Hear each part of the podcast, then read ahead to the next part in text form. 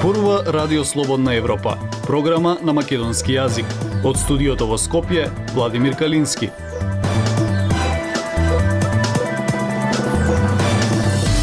Почитувани ја следите емисијата на Радио Слободна Европа. Повторно тензии на северот на Косово, засилено присуство на КФОР. Министерот за правда Лога се сомнева во обвинителството дека се манипулира со електронскиот систем Од обвинителството демантираат како да им се помогне на жртвите на булинг, но и на насилниците. Слушајте не. Локалните срби во општините на северот на Косово, Звечан, Лепосавик и Зубин Поток повторно се собираат за да ги спречат новите градоначалници да влезат во општинските згради.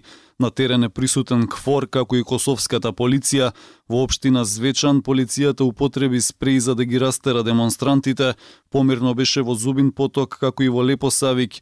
Меѓународната заедница ги повика косовските власти да не влегуваат насилно во општинските згради. Ивана Стојкова. Косовската полиција употреби солзавет за да ги растера граѓаните откако КФОР им дозволи да се соберат пред зградата на општината во Звечан денеска. Блокирани и патот до општинската зграда каде е поставена метална ограда, јавуваат новинарите на Радио Слободна Европа. Новинарите на РС известува и за зголеменото присуство на КФОР во Звечан, Лепосавик и Зубин Поток, општини населени со мнозинско српско население каде тензиите се зголемија во последните денови. Локалните срби од овие општини се собраа на 29 9 мај повторно да се спротистават на новите градоначалници избрани на локалните избори на 23 април. Во близина на објектот е поставен кордон од припадници на КФОРа, таму не се гледаат припадници на косовската полиција. Според извештаите, косовските полицајци се во општинскиот објект. Помирна е состојбата во Зубин поток, иако група граѓани се уште останаа во близина на општинската зграда, јавуваат новинарите на РСЕ. Слична е ситуацијата и во Лепосавик, каде голем број луѓе го напуштија протестот. Председателот на Српската листа Горан Рак Ракич на 29 мај разговараше со припадниците на мировната мисија на КФОР во Звечан. Тој наводно рекол дека барањето на тамошните Србија новиот градоначалник на оваа општина Илир Пеци да не влегува во општинската зграда. Тој исто така побара од КФОР Косовската полиција да ги повлече специјалните единици од оваа област. Групи локални Срби и Косовската полиција се судрија на 26 мај кога новите градоначалници влегува во општинските згради. Меѓународната заедница ја повика владата на Косово да се откаже од своите одлуки да не се обидува насилно да влезе во општинските згради додека Приштина го бранеше ставот новите градоначалници да одат во нивните канцеларии. Шефот на НАТО Јен Столтенберг го повика Косово да не превзема еднострани дестабилизирачки чекори на северот на Косово. Косовскиот премиер Албин Курти изјави дека ја разбира загриженоста на меѓународните партнери, но секоја друга опција би била неисполнување на уставните обврски. Локалните избори на северот се одржаа откако во ноември минатата година лидерите на четири северни општини од српската листа, најголемата партија на косовските срби поднесоа оставка. Оваа партија ги напушти сите институции на Косово поради одлуката на владата во Приштина да го спроведе процесот на пререгистрација на автомобилите со нелегални српски регистарски таблички. Изборите ги бойкотираше мнозинското српско население во областа кое сега не ги прифаќа резултатите, односно новите градоначалници. Сакате да знаете повеќе? Наша веб страница slobodnaevropa.mk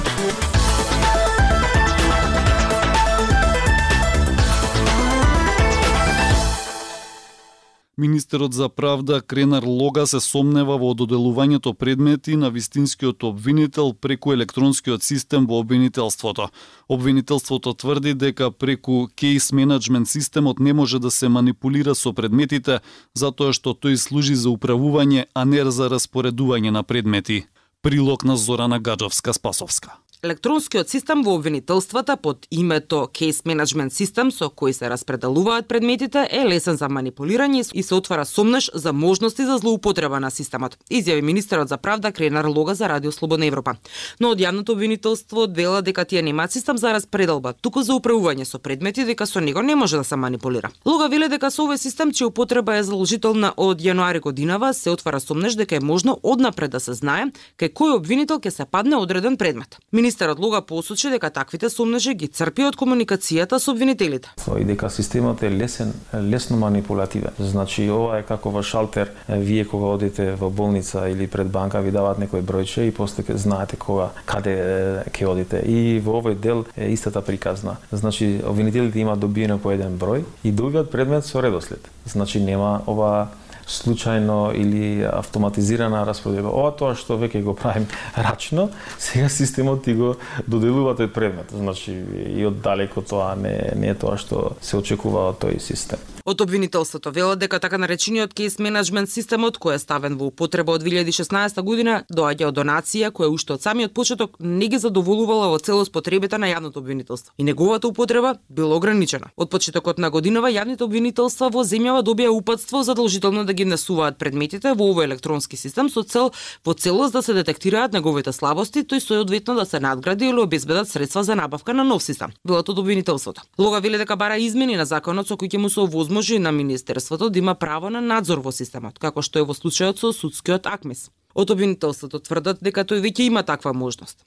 Откако е воведена задолжителната употреба на системот, Министерството за правда добива извеште и има увид во искористеноста и функционалноста, но увид во конкретни предмети имаат само надлежни јавни обвинители. Министерот смета дека овој систем што го користат обвинителствата е проблематичен.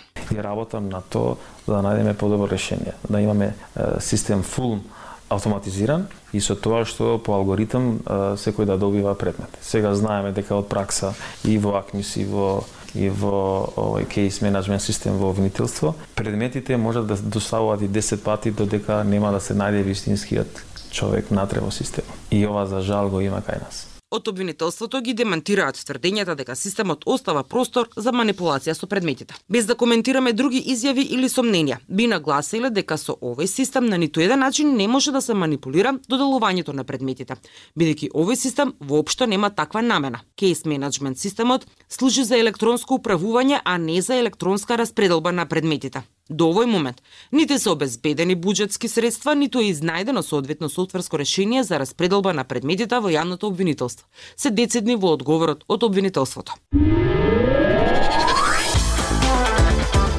Бидете наш гостин и посетете ја.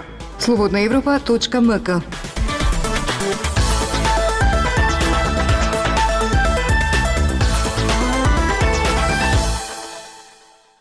Дел од просветните работници бараат соработка од родителите и предупредуваат на опасноста од создавање неписмени генерации во иднина. Резултатите од меѓународната студија за читање покажаа дека учениците во четврто одделение се на дното на листата со подпросечен резултат во читање. Прилог на Марија Тумановска. Мамо, те молам прочитај ми неколку страници за побрзо да ја завршиме лектирата. Вака, мајка на 10 годишен ученик од Скопје раскажува како со нејзиниот син постојано води битка кога треба да чита лектира. Елена од Скопје признава дека и покрај сите напори да го натера синот да чита, сепак на крајот таа чита, а тој слуша. Не знам дали му правам против услуга, ама од друга страна барем знам дека ќе биде подготвен за час. Кога ќе го прашам зошто не чита сам, постојано има оправдување дека чита бавно и нема да стигне на време да ја прочита. И ученичката Кристина Тасева не е љубител на пишаниот збор. Искрено за оваа тема сметам дека повеќето средношколци не читаат толку доволно, но јас не ги читам лектири. Искрено не ги читам лектирите затоа што сметам не ми се интересни на мене. Со неа се согласува и Александра Илиева. Вели дека ги чита само задолжителните лектири, а дека повеќето соученици не ја читаат ниту кратката содржина прераскажана на интернет. Дека јас не читам, таква е генерацијата дека се е само со телефоните и не можеш од телефонот да не отргнеш. Но не читањето носи ни за други последици. Една од нив се и најновите резултати од меѓународната студија за читање, според кои македонските ученици од четврто оделение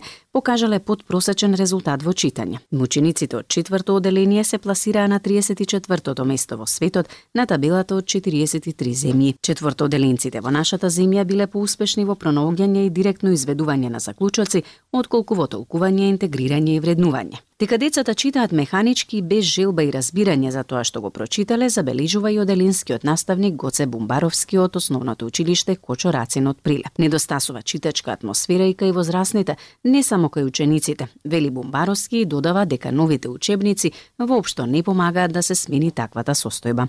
Дел од текстовите и баш не се така а, примамливи и не а, не ги мамат учениците да може да се внесат во нив, туку се некои површни текстови кои што едноставно само имаат некоја обична задача да се сработи и тоа е тоа. И навистина е жално. Во ирата на дигиталните медиуми и онлайн предизвици, на часовите по македонски јазик Бумбаровски се труди да ги мотивира учениците да читаат и да разговараат за тоа што го прочитале нудејќи им интересни содржини за нивната возраст. Ваквите резултати не се изненадување ни за универзитетската професорка Весна Мојцова Чепишевска.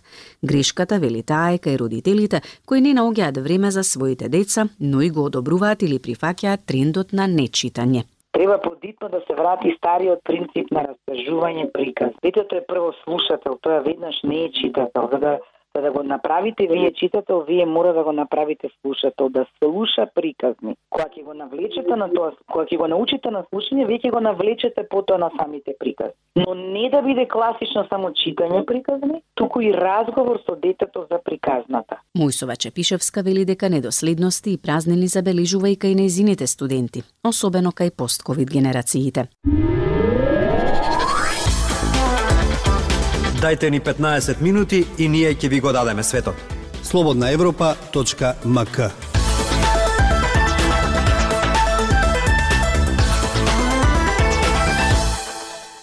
Дел од младите не штедат зборови кога сакаат да ги навредат врсниците, велат средношколците, а потврдуваат експертите. Колку повеќе ги задеваш врсниците, толку поголем фраер си. Вака размислуваат дел од младите, забележува училишниот психолог во гимназијата Никола Карев Гордана Блажевска Спиридонова. Како да им се помогне на жртвите на булинг, но и на насилниците, известува Емилија Бунтеска Нацоска. Ме задеваа во основно бидејќи имав подобри оценки, а бев и малку повлечена. Јас сум покрупно дете, па од мал бев жртва на булинг. Соучениците ми велеа дека мојата облека не е модерна или дека не е добра да се носи истата облека секој ден. Ова се дел од сведоштвата на средношколци за Радио Слободна Европа, кои неодамна дискутираа за насилство меѓу младите на дебата на филозофскиот факултет во Скопје. Од дома им се кажува на децата тоа немој да правиш онака, немој да правиш овака, мораш да имаш добри оценки, не се дружи со овој, не се дружи со оној, а, и со самото тоа на децата им се а, на децата им се ствара некоја си страв да не бидат исклучени, затоа што родителите им го кажуваат тоа. Изјавија Релена Гостимировиќ, средношколка од Кавадарци. Колку повеќе ги задеваш врсниците, толку поголем фраер си. Вака размислуваа дел од младите, забележува училишниот психолог во гимназијата Никола Карев, Гордана Блажевска Спиридонова во изјава за РСЕ. Во нивниот микропростор или во субкултурата на врсници има посебни правила, како правилата око за око зап за зап истакнува таа. Вели и дека насилството е дел од човековата природа и луѓето го имаат тој капацитет со раѓање, но задачата на социализацијата и на средината е тоа да го коригира и контролира, а искуството покажува дека средината потврла во оваа задача. Кој може да помогне? Пензионираната професорка по развој на психологија Олга Мурџева Шкарич порачува, жртвата треба лично да доживее чувство дека не може мене кој било да ме навредува, но и да знае за самопомош. А кој е па и тој, тој што навредува, тој што навредува силиджијата, знаете дека има многу поголеми проблеми од оној што е жртва.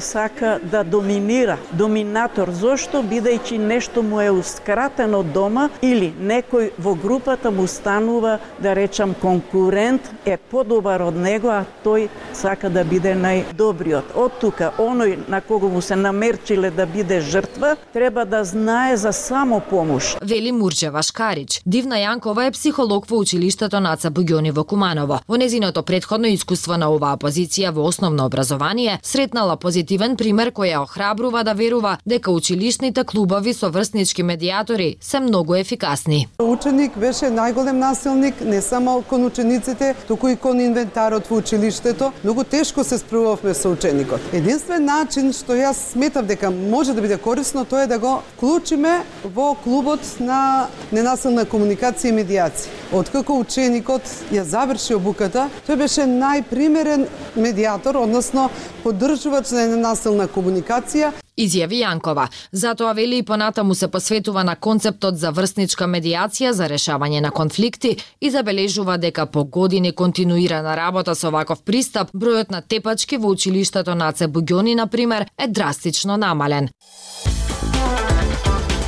Почитувани слушатели, тоа е се што ви подготвивме во оваа емисија.